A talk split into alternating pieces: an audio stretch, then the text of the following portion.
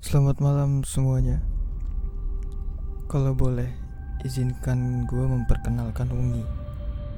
Sebelum memperkenalkan diri, Ungi ini kami ambil dari bahasa Jawa yang artinya itu malam. Di mana malam adalah waktu yang tepat untuk beristirahat. Jangan keluar jika Ungi datang. Di malam-malam tertentu, Ungi siap berbagi cerita ke kalian. Oke, perkenalkan nama gue Ricky. Hmm, sementara gue single anchor di sini.